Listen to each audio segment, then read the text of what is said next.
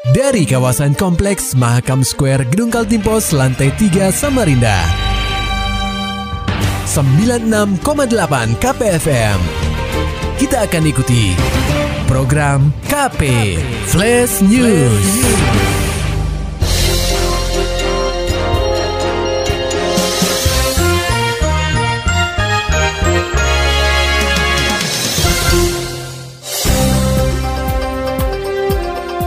Anda sedang menyimak program KP Flash News bersama saya Agung Pratama.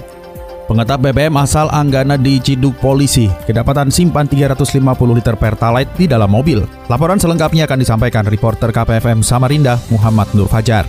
Pria 48 tahun asal Kecamatan Anggana, Kabupaten Kutai Kartanegara berinisial AA harus merasakan dinginnya jeruji besi. Hal itu terjadi setelah AA diringkus unit Eksus Satreskrim Polresta Samarinda usai mengisi bahan bakar minyak atau BBM jenis Pertalite di Jalan Sultan Sulaiman, tepatnya di SPBU kawasan Pelita 7, Kecamatan Samutan pada Senin 21 Agustus 2023. Saat petugas memeriksa mobil Suzuki FVV dengan nomor polisi DD 1975WP yang dikemudikan AA. Ternyata petugas menemukan 18 jerigen di kursi belakang, beserta alkon atau mesin pompa dan selang untuk memompa bahan bakar dari tangki kendaraan ke dalam jerigen yang ada di dalam mobil.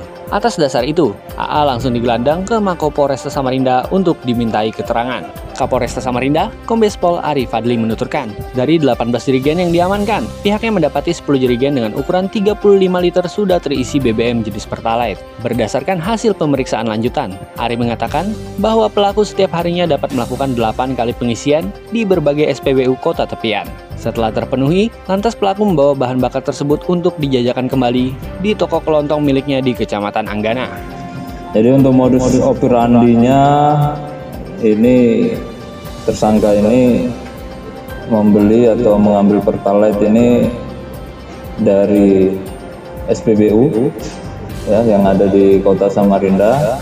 Kemudian setelah membeli uh, pertalite ini disedot kembali dan ditampung di dalam jerigen-jerigen uh, yang ada. Hampir persis modusnya dengan kejadian sebelum ini yang mengakibatkan kebakaran. Akibat perbuatannya itu, pelaku akan dijerat dengan pasal 55 Undang-Undang Nomor 22 Tahun 2001 tentang minyak dan gas bumi, sebagaimana telah diubah dengan Undang-Undang Republik Indonesia Nomor 6 Tahun 2023 tentang penetapan peraturan pemerintah pengganti Undang-Undang Nomor 2 Tahun 2022 tentang Cipta Kerja dengan ancaman pidana paling lama 6 tahun penjara. KPFM Samarinda, Muhammad Nur Fajar melaporkan.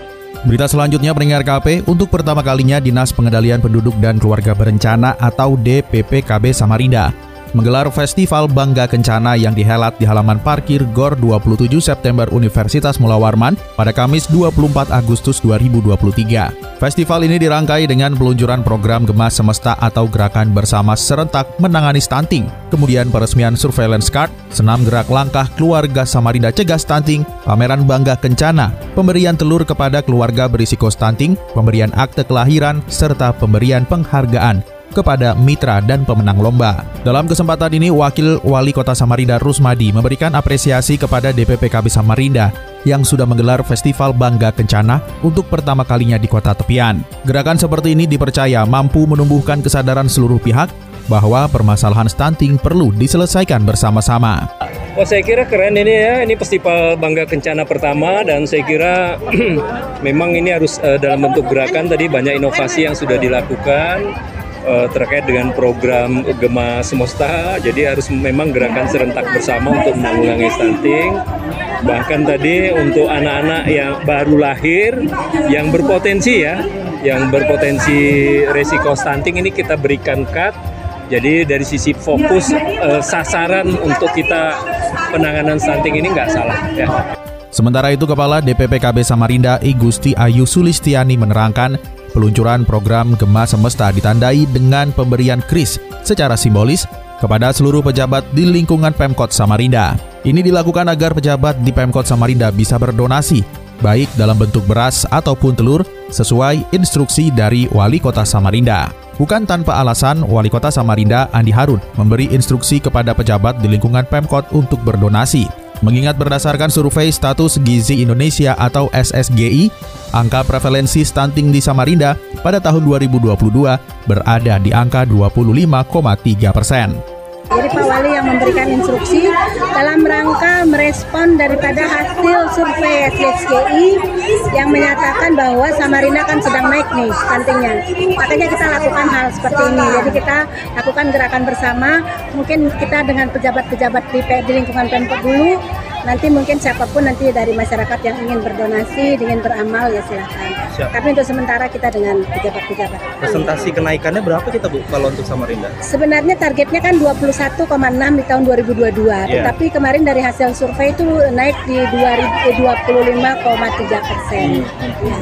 Jadi oleh karenanya hari ini kita launching. Sebenarnya sih kegiatannya sudah berjalan dari kemarin, tetapi hari ini kita dengan masifnya gerakan Gemas Semesta ini, Ayu berharap prevalensi stunting di kota tepian bisa menurun ke angka 17,99 persen untuk tahun 2023. Kabar selanjutnya kali ini datang dari dunia ekonomi pendengar KP, gerakan tanam cabai tahan laju inflasi di Kaltim.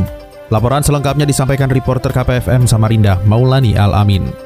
Menurut Kepala Kantor Perwakilan Bank Indonesia Provinsi Kalimantan Timur, Budi Widi Hartanto, gerakan menanam cabai yang selama ini dicanangkan pihaknya mampu meredam laju inflasi di benua etam. Dia juga memastikan gerakan menanam cabai perlu diintensifkan. Berkat gerakan menanam cabai yang telah dilakukan Tim Pengendalian Inflasi Daerah atau TPID Kaltim bersama pihak terkait, inflasi di Kaltim tidak terlalu dalam. Tertahannya laju inflasi dapat dilihat pada Juli tahun ini yang tercatat 0,43 persen bulan ke bulan, padahal di bulan tersebut berpotensi mengalami inflasi lebih tinggi karena banyaknya peristiwa yang menjadi pemicu. Di bawang merah itu bisa kita kendalikan aja, insya Allah nah, sama minyak goreng. Nah, kalau kalau komoditas dari industri itu minyak goreng. Kan kadang-kadang memang agak itu juga kita ya minyak goreng di sini kita hasil kelapa sawit kenapa minyak goreng juga salah satu kontributor tinggi artinya frekuensi kenaikan bulanannya itu relatif apa tinggi dibandingkan komoditas yang lain Selain cabai, komoditas lain yang juga perlu ditanam di perkarangan rumah untuk menahan laju inflasi antara lain tomat, dan berbagai jenis sayur mayur.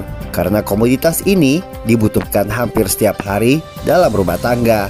KPFM Samarinda, Maulani Al-Amin, melaporkan. Maulani Alamin, Muhammad Nur Fajar, KPFM Samarinda. Serta dapatkan berita-berita selengkapnya di www.968kpfm.co.id. Demikian tadi telah kita simak rangkaian berita-berita yang terangkum dalam program KP Flash News. Persembahan dari 96,8 KPFM. Terima kasih dan sampai jumpa.